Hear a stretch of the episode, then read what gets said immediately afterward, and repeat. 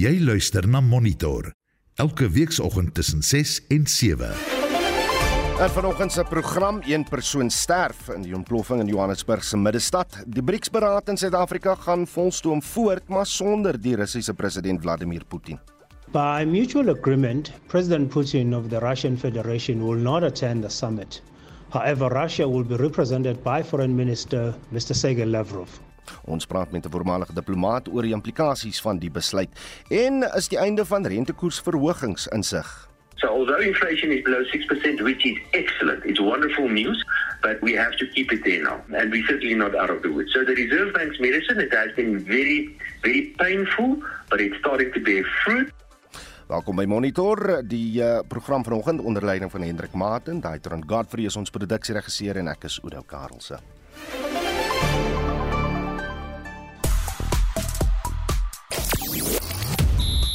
In jou sportnuus, die FIFA vroue sokker wêreldbeker begin vandag in Australië en Nieu-Seeland. 10 Suid-Afrikaners by die Britse Ope golftoernooi in aksie en Stuart Broad word slegs die 5de bowler in die wêreld om 600 toetspaaltjies in te palm. Nou die groot nuus storie vanoggend is ook Suid-Afrika se mees besproke hitsmerk, dis nou Egoli gas, uh, nadat die uh, maatskappy, die netsmaatskappy op sosiale media verklaar het, soos hy in die nuus gehoor het, dat dit on onwaarskynlik is dat dit eintlik een van hulle gaslyne was wat ontplof het, want uh, hulle beheerstelsel het voor en na die voorval geen verlies in druk getoon nie. Nou die plasing is sedert die verklaring op sosiale media 621000 keer waargeneem. En ons het reg aan die begin van vanoggend se program meer besonderhede hieroor. Maar as jy deur die uh, ontploffing geraak is of iemand ken wat wel geraak is laat weet. Dan aan ons hoofluisteraars vraag wil ons weet hoe voel jy? Stem jy intussen verkiesings? Hoekom of hoekom nie. Daar was Woensdag altesaam 11 tussenverkiesings in 5 provinsies in Suid-Afrika. Byna 60000 geregistreerde kiesers kiesers sou aan die verkiesings kon deelneem. Stuur 'n SMS na 4588919 R50 per boodskap. Jy kan ook ook op RSG se uh, Facebookblad saampraat. Jy kan ook deelneem aan ons meningspeiling. Tot dusver het 144 mense gestem. 78% van julle sê absoluut dis my plig om te stem. 22% sê ag nee wat, ek neem nie deel nie. Gaan stem self en deel jou mening oor hoekom tussen verkiesings belangrik is of nie. Ons hou die uitslag dop en sal op eh, Spectrum later vandag ook luisteraars op hoogte hou van hierdie meningspeiling. Jy luister na Monitor elke weekoggend tussen 6 en 7. Dis 12 minute oor 6. Die nooddienste in Johannesburg sê een persoon is dood en altesaam 41 is beseer in die ontploffing omstreeks 5 uur gistermiddag in Breestraat in Johannesburg se middestad. Hulle word by verskillende hospitale behandel. 'n Gesamentlike bevelsentrum is by Mary Fitzgerald Plain in Newtown ingerig om die ramp te bestuur. Dis nog nie duidelik wat die ontploffing veroorsaak het nie, maar ooggetuies vertel van 'n gasreuk wat oor die toneel gehang het. When I just looked on my bed after the pain, I thought it was something like a car accident or what? I don't know, but it was a very big pain. So the taxis are packed on top of each other. The road started opening up. When you go up straight there, even now, right now, there's a smoke coming out under the ground. You see, you can see that. I don't know, maybe there's a big pipe under the ground, just exploded up, or you see the power, the pressure, just uh, out. You see, when you go up there, you, you will see the smoke and you will smell the smell. It's very strong. Yeah. Even when you go there, will become so dizzy at the same time. Egali gas sê egter dit was nie een van hulle pypleidings wat ontplof het nie. Die Gautengse premier, Panyaza Lesufi, wat die toneel besoek het, sê die geboue in die omgewing is ontruim. The impact at this present moment it's not determined how far it has went and whether some of these buildings are either in danger of collapsing or not. Die staatsbestuurder Floyd Brink het gisterand gesê hulle is besig om die ondergrondse kabels en waterpype na te gaan. We still need to do some search and rescue. We will have to also check the structural integrity of the buildings surrounding this area and work with our teams and human settlements to see what it is that we need to do to evacuate the people here. Dit was Johannesburg se staatsbestuurder Floyd Brink wat daardie bydrae van Tsepo Pagani afgesluit het. Ek is Hendrik Martin vir SAK nuus. Ons het gereël om met die woordvoerder van Johannesburg se nooddienste Robert Molahutsi te praat. Hy tans nie beskikbaar nie, maar sodra hy is, bring ons jou op hoogte. Die Russiese president Vladimir Putin sal nie die BRICS-beraad bywoon wat in Augustus in Suid-Afrika gehou word nie. Die presidentsie sê na ooreenkoms bereik is, sal die Russiese Federasie deur Sergey Lavrov, die minister van buitelandse sake, verteenwoordig word. Dit kom te midde van die uitreiking van 'n lasbrief vir Putin se arrestasie deur die internasionale strafhof. Ons praat nou met die voormalige diplomaat Gert Grobler. Gert, goeiemôre. Môre Udo. Jou reaksie op die nuus? Bedoel om eerlike waarheid te sê, die ding het nie as 'n baie groot verrassing gekom nie. Uh want uh Putin en die president asook die ander leiers van die BRICS lande konsulteer al oor die laaste aantal weke oor hierdie oor oor hierdie aangeleentheid. En ek dink wat wat uiteindelik dit was natuurlik uh, het aangedui dis 'n wederwysige ooreenkoms Maar ek ek ek die die vermoede is dat Putin as 'n ervare ouan politikus uh, en en gegee die verhouding met Suid-Afrika het besluit of het besef hmm.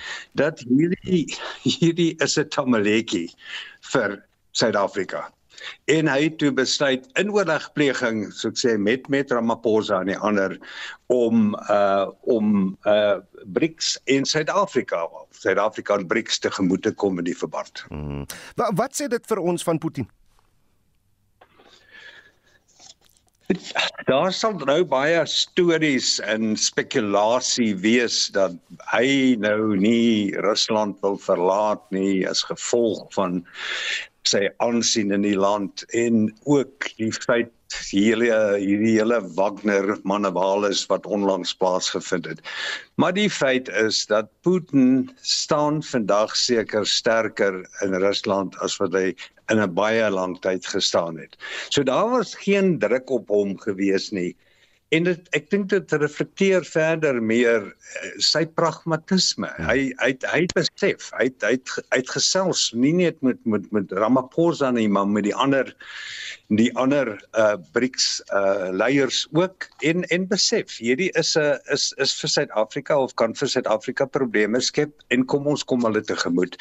So dit dit kom basies daarop neer dat hy hy's hy's hy's 'n ervare politikus. Hy's 'n deurwinterde politikus om dit so uit te druk en hy het besef hier is 'n probleem. Kom ons los dit op. Skep dit enigsins 'n leemte by die BRICS beraad dat hy nou nie gaan kom nie. Uh Udo hoegenaamd nie. Uh ek weet uh, met sou natuurlik daar wou gehad het en dis dis nog soos maar altyd gewerk het met al die vorige BRICS berade.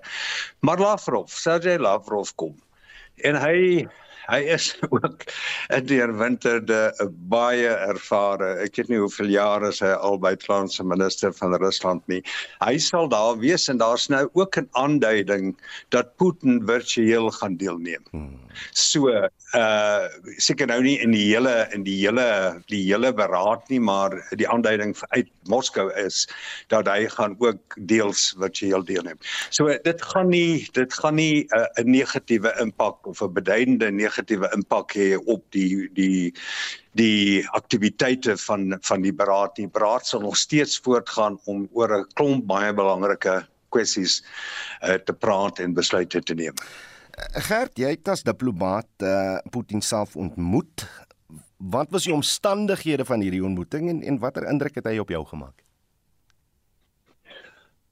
Oudo, ek het hom ek het ehm uh, uh, by buitelandse sake was ek die hoof van Europa gewees en het uh, in daai konteks verskeie kere besoeke afgelê aan aan Rusland. En ek het vir Yeltsin ontmoet hmm. sy voorganger. Ek het vir Medvedev ontmoet. Ek het vir Putin ontmoet daar in in Suid-Afrika. In 2006 het hy Suid-Afrika toe gekom vir 'n staatsbesoek en ek was die hele tyd by.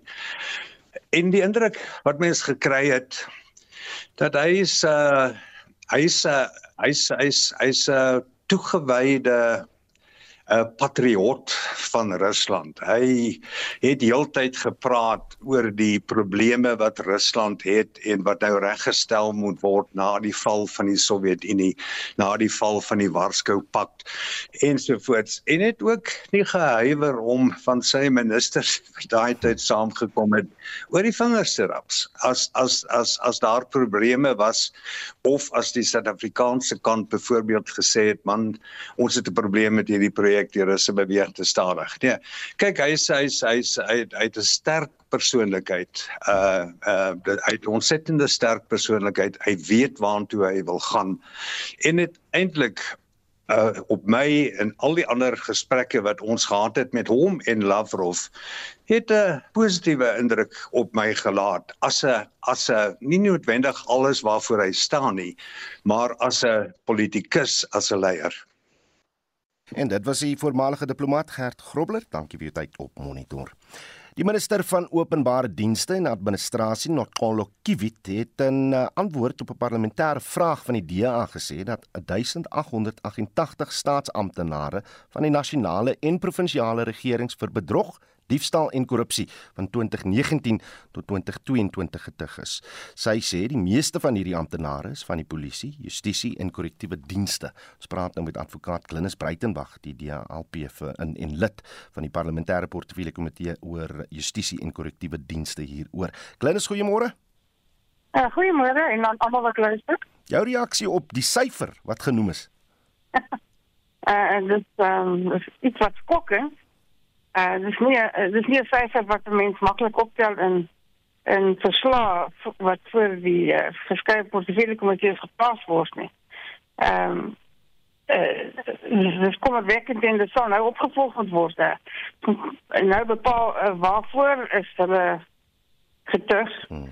en wat die uh, wat, wat die uh, uitslae was en en wat die gevolge was.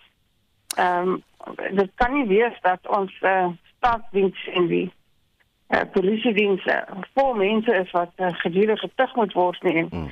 wat nie nie betroubaar is nie. Daardie posisies is is eh uh, vertrouensposisies en ons uh, ons het 'n hoër verwagting van daai mense.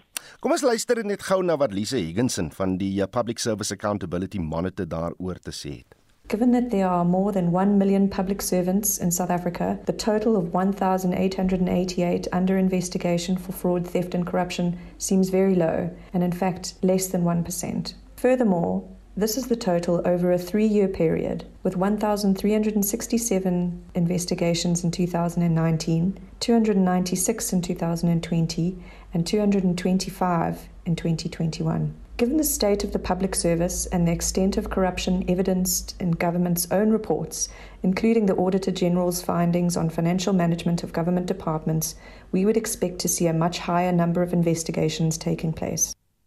En dit was Lise Higginson van die Public Service Accountability Monitor. Dat dit nou uitgekom in 'n parlementêre vraag, die die feit dat daar so min ondersoek gedoen word uh, na hierdie sake, wat, wat, wat sê jy daaroor?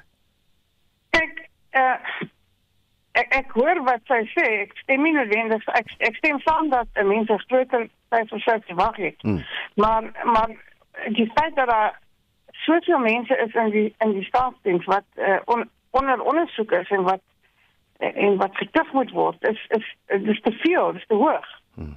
Um die, die posisie van hulle staan in vertrouensposisie want dit is 'n hoër verwagting van die mense wat in die staatsdiens werk en in daai posisie staan uh, 'n uh, hoër verwagting van hulle integriteit. So uh, die die syfer is aan my mening uh, dis te veel mense. En dit beteken dat uh, dat die aanstellingsproses gebrekkig is. Hmm. Um, maar die feit dat uh, dit ons ons weet hoe lyk die vlakke van korrupsie in Suid-Afrika ons weet hoe lyk die vlakke van misdaad in Suid-Afrika. En in die plek om dit uit te roei um, aan die begin van die staatsdiens, mens kan dit dit kan glad nie daar toegelaat word. So ehm um, dis moontlik dat daar dat daar meer ondersoeke moet wees en dat daar dalk meer mense is wat uh, uh, wat oneerlik is, maar syfers van van daardie ehm um, van van daardie hoeveelheid mense is net uh, dis te veel. Hierdie syfer van 1888 staatsamptenare het betrekking tot polisie, justisie en korrektiewe dienste soos soos ek nou in die inleiding gesê het. Ja. Dan dan hoor ons die minister van openbare openbare ondernemings Pravin Gordhan het sy in sy beantwoording van vrae in die parlement ontken dat daar uitgebreide korrupsie in Eskom is. Maar maar het wel toegegee dat enkeles hulle dalk skuldig gemaak het. Hoe neem ons dan so iets ernstig op? As ons kyk na wat in ander departemente gebeur. Ja, nee nee, uh, met die grootste respek die die minister droom. Ehm um, daar is uitgebreide korrupsie en, en Eskom dit is heeltemal duidelik vir enige Suid-Afrikaner wat uh, enigstens aandag gee aan die situasie. Ehm um, nou daar word net nie enige aandag daaraan gegee nie. Ehm um, die die minister moet wakker word en nie die wake up and smell the coffee. Eh uh, dan moet dan moet baie meer noukeurig gekyk word na wat eens kom aangaan en as dit verhouding is dan dan is dit uit die hart van onsself nie verbasend dat ons is waar ons is nie. Ehm um, maar maar maar een enige oneerlike staat aantal. Een is een te veel. Uh, so dit kan nie geduld word. Advokaat Linus Breitenberg, die DLP en lid van die parlementêre portefeulje komitee, 'n komitee oor justisie en korrektiewe dienste. En nou vir 'n bietjie goeie nuus. Inflasie het van 6,3% in Mei tot 5,4% in Junie gedaal. Dit is nou binne die Reserwebank se 3 tot 6% teiken vir die eerste keer in meer as 'n jaar. Ekonomies egter verdeeld oor of die Reserwebank rentekoerse onveranderd gaan laat of met 25 basispunte sal verhoog wanneer hy later vandag sy aankondiging maak. Vir meer hieroor praat ons nou met Dr. Hugo Pinaar, die hoofekonoom van die Buro vir Ekonomiese Onderzoek. Hugo, goeiemôre. Goeiemôre en ook aan jou luisteraars. Wat was die groot drywers eh, vir die jongste inflasiessyfer? Ja, so ons het ons sit met baie sterk basiseffekte. Ehm um, soos 'n bietjie tegnies, maar verlede jaar het ons natuurlik gesien dat voedselpryse en ook die petrolprys baie skerp gestyg het ehm um, na afloop van die Russiese inval in die in Oekraïne. Ehm um, so jy sit met daai lae, ag ekskuus, daai baie hoë vlakke laas jaar. So wat ons nou begin sien op 'n jaar op jaar basis uh, veral aan die petrolpryskant. Uh so die petrolkomponent van inflasie is nou in deflasie. Met ander woorde die petrolkomponent daal. So dit het gedaal met 8.3% jaar op jaar uh, in Junie. So dit was die vernaamste rede Um, en dis 'n groot ommeswaai want in Mei het het daai komponent nog met 3.5% jaar op jaar gestyg. Mm. So dis 'n een belangrike faktor en dan begin ons ook nou sien dat voedselpryse, hoewel dit steeds teen 'n baie hoë tempo uh, toeneem op 'n jaar op jaar basis, is daai tempo van toename besig um, om te verstadig. So daai twee was was die vernaamste faktore uh, wat wat die oorhoofse inflasie syfer uh, laat verstadig het. Hugo wat behoort uit Lesetja gaan Jago se mond uit te kom vandag? Dis nou een vraag en wat dink jy gaan uit sy mond uitkom? ja, dit is altyd die so so as ekonome met ons uh vooruitskat um, wat ons dink die Reserwebank gaan doen in steede van wat ons dink hulle hulle moet doen. So dit is baie en, en partymal is dit nie dieselfde ding nie.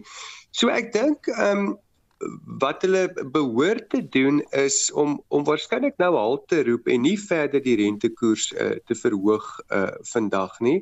Uh, gegee wat ons nou met met inflasie be, begin sien en ook die uh, die swakheid wat ons in in ekonomiese aktiwiteit uh, speer in in Suid-Afrika.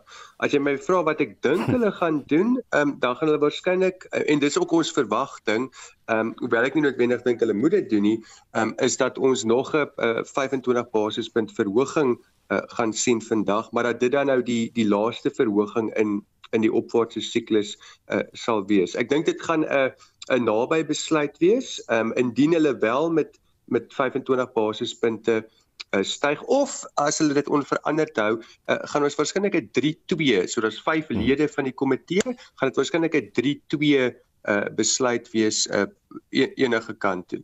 Dr. Rico Pinaar is die hoofekonoom van die Buro vir Ekonomiese Onderzoek. Wêreldnuus Estie de Klerk sluit nou by ons aan vir wêreldnuus en ons begin in Auckland, Nieu-Seeland waar twee mense doodgeskiet is slegs ure voordat die stad sy deure oopmaak vir die eh, FIFA Vroue Wêreldbeker van sokker. Die voorval het by 'n bouterrein in die middestad van Auckland plaasgevind en ses ander mense insluitend polisiebeamptes is ook beseer. Die aanvaller is ook doodgeskiet. Nieu-Seeland se eerste minister, Chris Hipkins, sê die aanval word nie as 'n terroristeaanval beskou nie en die wêreldbeker toernooi sal voortgaan soos wat beplan is. Hier is die BBC se Katie Silver. This is very rare for New Zealand, and so people here have really woken up with a sense of shock. It's not often that we hear something like this occurring. What we've also heard from the police as part of all this is we understand the gunman was 24 years of age, that he was under house arrest, and he had an exemption in order to work as part of this. We understand he was actually a worker at the construction site on a part time basis, and they've also said that there was mental health issues involved. It's certainly not something people wanted to hear about when this is supposed to be an event of jubilation. There's certainly been a lot of excitement about the two matches that are scheduled for later today. Talle van die spanne gaan in hotelle tuis naby aan waar die voorval plaasgevind het en die span van die FSA het in 'n verklaring gesê almal is veilig. Nieu-Seeland speel later vandag teen Noorwe. In Europa duur die uiterste hittetoestande steeds voort en veldbrande word deur die hittegolwe en wind in veral Switserland, Spanje en Griekeland aangevuur. Talle huise is verwoes en mense moes ontruim word. Dr Stephanie Rou, 'n klimaat- en energiewetenskaplike aan die Wêreld Wildlewe Fonds, was een van die skrywers van die regeringspaneel se verslag oor klimaatsverandering wat in Maart vanjaar vrygestel is.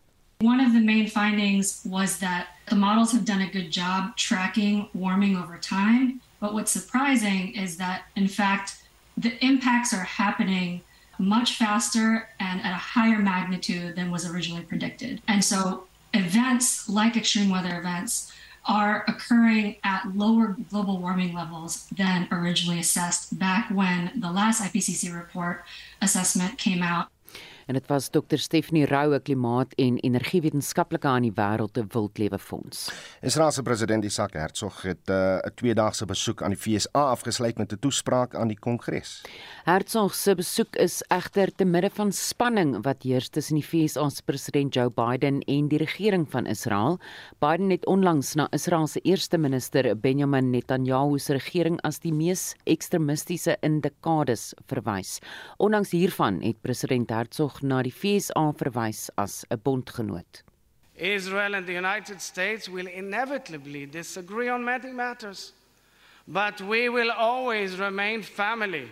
Our revolutionary societies have so much to give to the world and so much to learn from each other. Our bond may be challenged at times, but it is absolutely unbreakable. Die BBC se Helena Humphrey was daar. He also spoke about a range of other issues, saying that the free world shouldn't allow Iran to procure a nuclear weapon. He expressed a desire for Israel to have relations with Saudi Arabia, uh, partly facilitated with assistance from the United States, and also a wish for peace with Palestinian uh, neighbours, although coming at a time of tensions, of course, in light of raids that we've seen uh, on the West Bank in recent weeks. But he did speak about those protests that we've seen in Israel for a number of months uh, against the planned judicial overhaul put forward by the Prime Minister. En dit was die BBC se Helena Humphrey en demokrate het ook buite die kongresgebou betoog. En dit was Estie met 'n oorsig oor vandag se wêreldnuus. Kom ons keer nou terug na die oggend se groot nuus storie. Die nooddienste in Johannesburg sê een persoon is dood en altesaam 41 is beseer in die ontploffing omstreeks 5 uur gistermiddag dis nou in Breestraat aan Johannes, Johannesburg se middestad. Hulle word by verskillende hospitale behandel en 'n gesamentlike bevelsentrum is by Mary Fitzgerald Plain in Newtown ingerig om die ramp te bestuur. En uh, ons skakel nou daar uh, oor om uh, met Robert Malahutsi te gesels. Hy is die woordvoerder van Johannesburg se nooddienste. Robert, good morning. Good morning and morning to the listeners. One person dead. How was that discovered? What are the circumstances surrounding that death? Yeah, the one person was recovered uh, while we were removing uh, those uh, uh, vehicles which were affected. You'll recall that there were about 37 vehicles which were affected uh, by that in explosion. Mostly of those vehicles are taxis which were traveling along that uh, Bree Street. So around uh, half past one this morning, uh, as and when we were recovering uh, recovering those vehicles. Underneath uh, those uh, vehicles, we recovered a a male pe- uh, pe- person who was, uh, of course, confirmed dead on scene.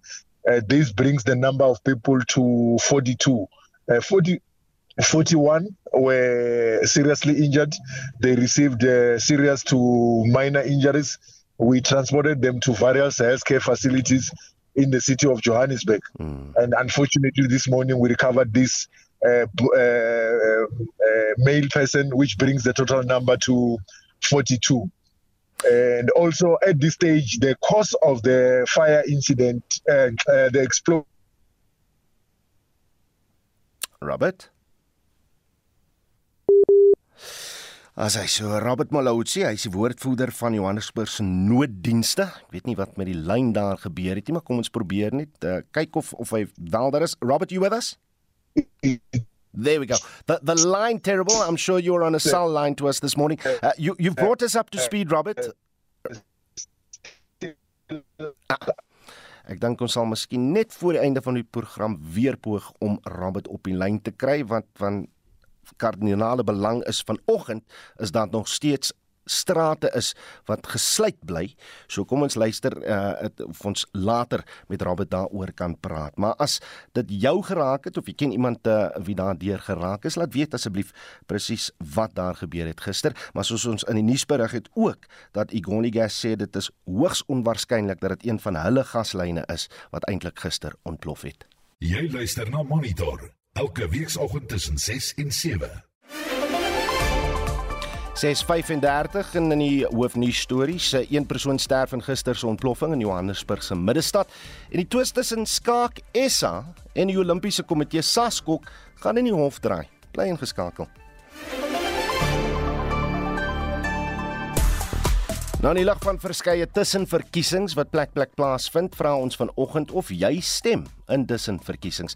En uh, ons meningspeiling op Facebook het reeds uh, talle mense deelgeneem, uh, amper 150 mense wat gestem het daar, want 78% van die mense sê ja, absoluut, dis my plig. 22% van uh, ons luisteraars sê wel, nie eintlik nie sien nie hoekom dit belangrik is nie. Nou Dan Thomas laat weet op Facebook, laat die mense stem vir 'n president en nie vir 'n party nie. Die ANC sal aan bewind bly want hulle is in die meerderheid. Johan Botha skryf op Facebook: "Jong, ek het nog net een keer gestem. Nou worry ek nie meer nie. Is dit nou in 'n groot verkiesing of 'n tussenverkiesing?" Johan laat weet. En Jannie van die kerk stem nie saam nie. Hy sê as jy nie stem nie, het jy geen reg om te kla oor die on beholpe regering nie. Julle SMS se deur na 45889 soos ek sê neem deel aan die meningspeiling op ons Facebookblad en laat ook weet wat julle hieroor dink.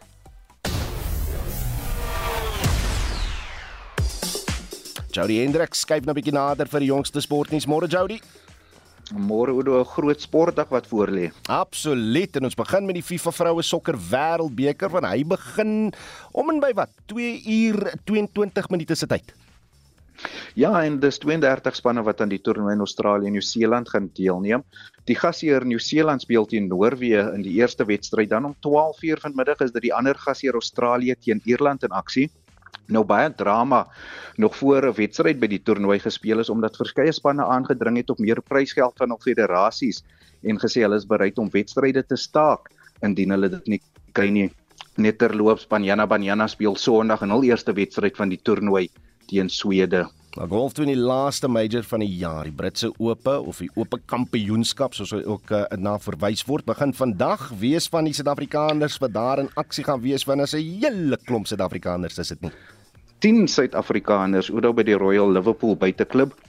Een van hulle is Okkie Strydom wat sy debuut by die major gaan maak en ek het met hom oor sy verwagtinge by die toernooi gepraat.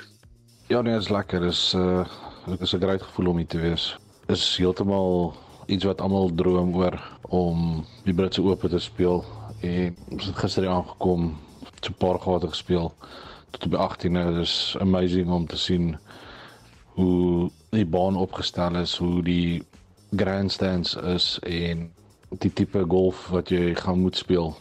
En uh hoop net die weer speel saam en dan hoe die game kom op by mekaar. Hy is baie baie naby aan waar ons hom wil hê. Ek glo hierdie week gaan 'n goeie week wees. Net positief bly. So ja, om eerste keer hier so te wees, dis is 'n amazing feeling. Ek sien baie uit na die week. En dan ook die stryd om dan is daar ook eh, die amateur Christo Lambreg wat deur sy sege by die amateur kampioenskap in Engeland vir die major gekwalifiseer het. Kom ons luister wat hy te sê gehad het. Ja nee, ek het net my laaste praktis rond te klaar gemaak en ja, ons is reg vir môre. Nee, die boy like 'n uh, It's always amazing golfbaan om die oop te speel is obviously 'n ongelooflike groot voorreg en ek kan nie meer geëerd voel om dit te speel hierdie jaar nie. Ek voel die golfbaan is regtig 'n goeie uitdaging van jou game. Dit toets alle afdelings van jou game en ehm um, ja, so ek is regtig opgewonde vir môre en ek kan regtig nie wag om my eerste oop te begin nie. Ja, ek het lekker saam met Louis en Brandon die, die laaste twee dae gespeel en hulle het ongelooflik baie vir my geleer en vir my gehelp om net het om seker goed uit te kyk vir en 'n paar gate om ander ander opsies te speel. So uh, my preparations was amazing geweest sover en uh, kan nie vir nie. Dit is van die Suid-Afrikaners uh, wat gister daar met Jody 'n bietjie gepraat het oor vandag se eerste ronde so daarvan gepraat uh, Matthew Jordan, Brandon Grace en Richie Ramsey. Dis die eerste groepering van die dag wat 'n Suid-Afrikaner gaan insluit. Hy's eintlik die dag se heel eerste groepering en hy man inslaan op uh, Royal Liverpool af wat is dit nou 7:35 so minder as 'n uur se tyd begin dinge daar uh, aan aan die gang. Uh cricket later vandag begin dag 2 van die 4de toets in die reeks om die as. Ja, in Australië wat op 299 vir afkom voor Paul Marnus Labuschagne en Mitch Maas elkeen gister 51 lopies aangeteken vir die Engelse bowlers Chris Wokes vier paaltjies gekry.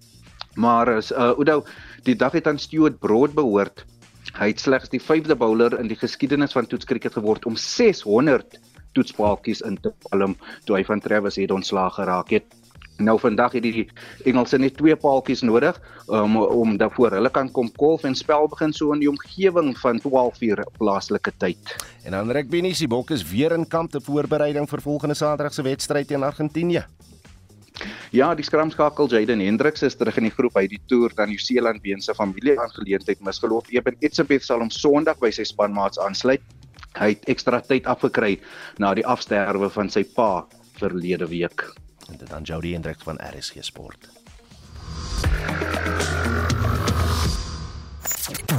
Jy luister na Monitor. Elke weekoggend tussen 6 en 7.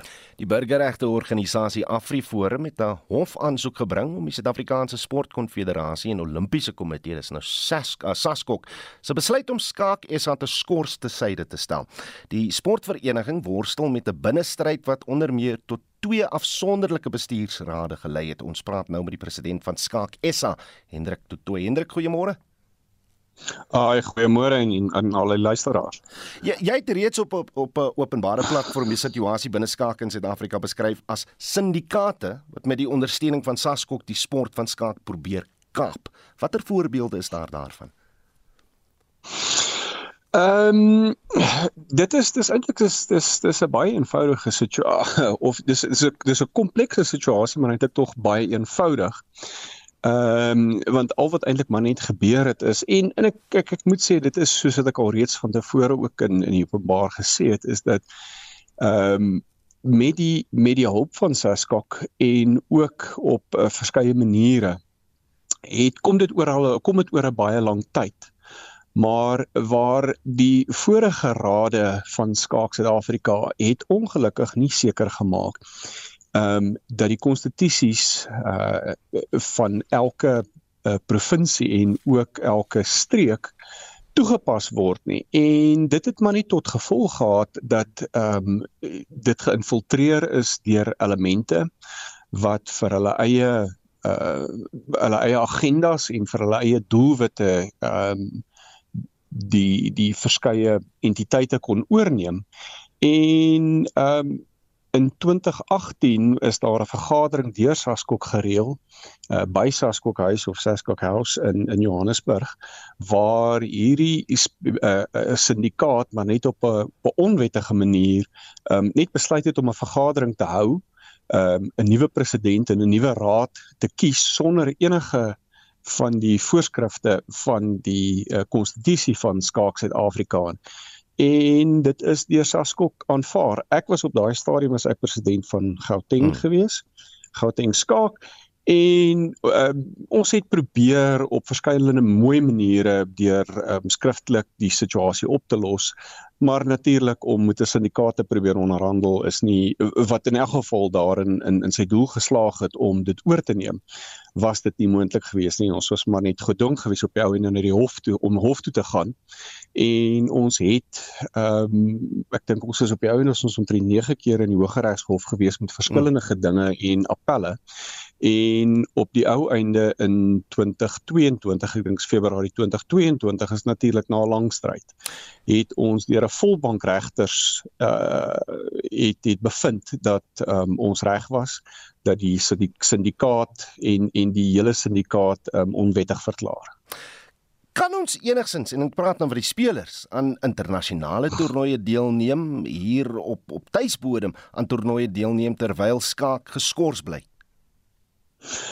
Wat ehm um, daar daar's daar is baie ehm um, misinformasie wat nou natuurlik verder deur hierdie syndikaat want alhoewel die die hof hierdie syndikaat onwettig bevind het ehm um, of hulle oorneem van skaak onwettig bevind het ehm um, is hulle besig om nog steeds heeltyd misinformasie uh te versprei wat die wat die realiteit is, Suid-Afrika Suid-Afrika se regsentiteit op sy eie met 'n affiliasie by SASCOC. Mm.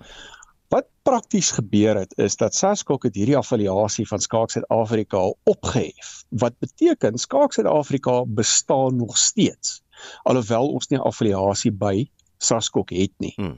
Met ander woorde, toernooie kan voortgaan um onder normale omstandighede um of soos normaal ongelukkig kry hierdie syndikaat dit reg om met regtig um ongelooflike negatiewe um sosiale of aanvalle op sosiale media en dit absoluut nie eenvoudig te misbruik.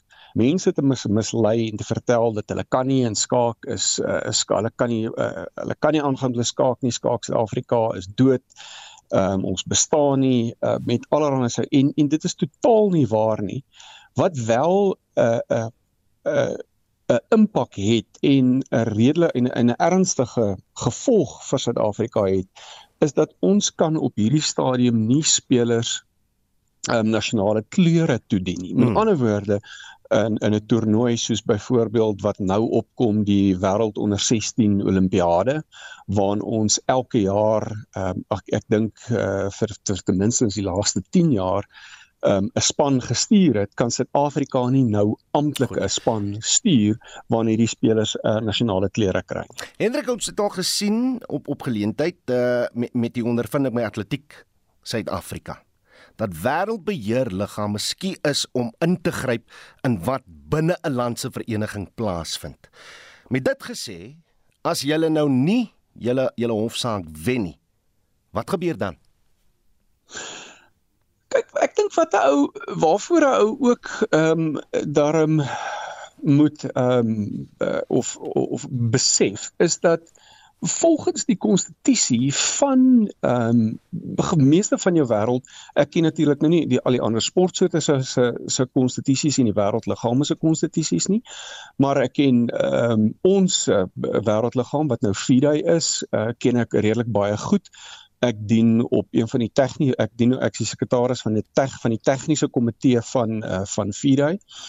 Ehm um, so die, wat 'n mens moet verstaan is dat die konstitusies van hierdie wêreldliggame ehm um, beperk gewoonlik die wêreld uh, in liggaam mm. baie ernstig om wel betrokke te raak wat gewoonlik gebeur is en dis wat in hierdie gewoonlik gebeur is of of wat wat wat die situasie gewoonlik is en wat ons heidaglik bevind is.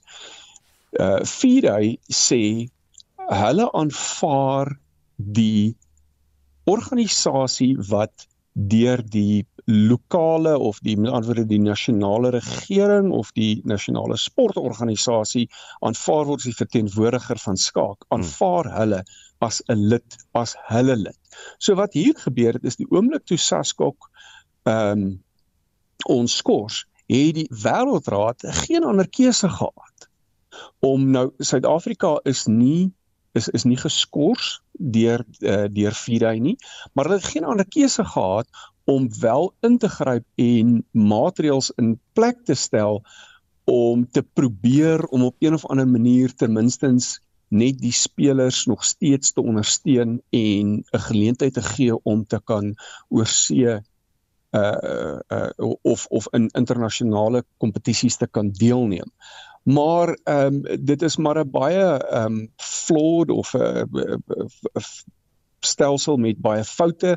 Dis nog nie goed deurgedink nie. So dit dit veroorsaak regtig baie baie pyn by ons spelers. En dit was die president van Skaak SA, Hendrik Totoy, ja, soos ek voorheen gesê het, ons het Saskok vir kommentaar genader, maar hulle versoek van die hand gewys omdat die saak nog voor die hof is. Monitor jou oggendnuusprogram op RSG. Die uitvoerende hoof van die Energieraad, James McKay, waarsku dat Suid-Afrika ten te min tyd gaan hê om van steenkoolkrag na herwinbare energie oor te skakel. Dit kan tot gevolg hê dat ons land teen 2030 uit wêreldmarkte gesluit kan word. 'n Skoon energiebasis moet dan in plek wees. We live in a global community and the world is moving very rapidly and it's moving into a sort of transition that's being disrupted by new technology. And so the technology disruption might have been prompted by climate change, but it's now about uh, innovation technology, manufacturing skills.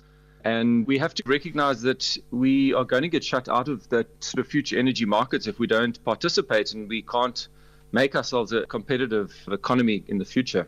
McKay sê voort Suid-Afrika moet meer erns met die saak hê omdat die leidende ekonomieë na skoon energiebasisse beweeg. US, EU, UK are all pretty much on track for net zero power systems by 2035. and net zero by 2045. China at the moment builds more renewable energy per year than US, EU, UK, India put together. They're also leading the sort of electric vehicle transition globally. So even India is now well on their way past 174 gigawatts of renewable energy and expanding. So the world and the economies that we want to compete with and play with in terms of global trade and those sort of things are moving and they're spending a lot of money doing that. Die risiko is dat die wêreld koolstofbelasting gaan toepas en Suid-Afrika dalk kan uitsak. Most listeners would have heard of the CBAM, which is the carbon border adjustment mechanism in the EU, but the US and the UK are now looking at implementing similar carbon adjustments, which means that any emissions intensive exports that come into those economies are going to be taxed. And the EU CBAM is already in place as of this year. So we see that those emissions penalty systems will be in place. And I don't think really that after spending the amount of effort and money that these economies are doing, that they're just going to say, well, don't worry, South Africa, you can hmm. participate mm. without paying that penalty. Die uitvoerende hoof van die Energieraad, James McKay, sê die fokus moet nou wees om bestaande Suid-Afrikaanse bedrywe aan te pas en om toekomstige bedrywe te ontwikkel wat ons relevant in die wêreldskoon energiemark kan maak. Mitsi van der Merwe, SAK nuus. Water is lewe en 'n basiese mensereg en wanneer dit nie beskikbaar is nie, raak inwoners omgekrap. Geen oorsese toerist verstaan hoe dit world class is dat ons bykans nooit elektrisiteit het nie en dan ook nie water nie. Niks word ooit voltooi binne die sperdatums nie. So ek het tot die einde van Julie my Airbnb toegemaak want ek sien nie dat dit gaan herstel voor die einde van Julie nie. Spectrum elke week saterdag tussen 12 en 1. Gister is nou Woensdag was daar altesaam 11 tussen verkiesings in 5 provinsies in Suid-Afrika. Ek sien van die uitslae word nou uitgereik vanoggend die DA verklaring uitgestuur om te sê dat hulle meeste van die uh, wyke daar in George in die Suid-Kaap gewen het, maar ons vraag is of jy nog deelneem aan tussenverkiesings. Is dit belangrik? Neem jy deel? Hoekom? Of hoekom nie. Op die SMS-lyn is daar 'n pensionaris wat uh, besluit het om nie te stem nie. Hy reageer so op mense wat ander aanmoedig om te stem en hy sê ek het die reg om te kla. Niemand sal die land kan regryk nie. Maar dan sê Hannes van Springs, dis tyd dat elke persoon sy bydrae maak. Kom ons staan saam as een wat trots is op ons land. Uh nog niemand laat weet uh, met die laaste verkiesing het ek twee keer uh probeer om my stem te plaas, maar die onbevoegdheid laat my gefrustreerd. Die luisteraar sê die laaste keer by 'n stembus het hulle 6 ure in die ry gestaan sonder sonder enige beweging omdat die stelsel nie gewerk het nie. Laat weet wat jou ervaring is en of jy voel dat tussen verkiesings belangrik is, neem jy deel. Jy SMS se deur na 45889 uh, teen R1.50 per boodskap. Jy ook uh, jy kan ook deelneem aan ons uh, meningspeiling op RSG se Facebookblad. Praat bietjie saam daar.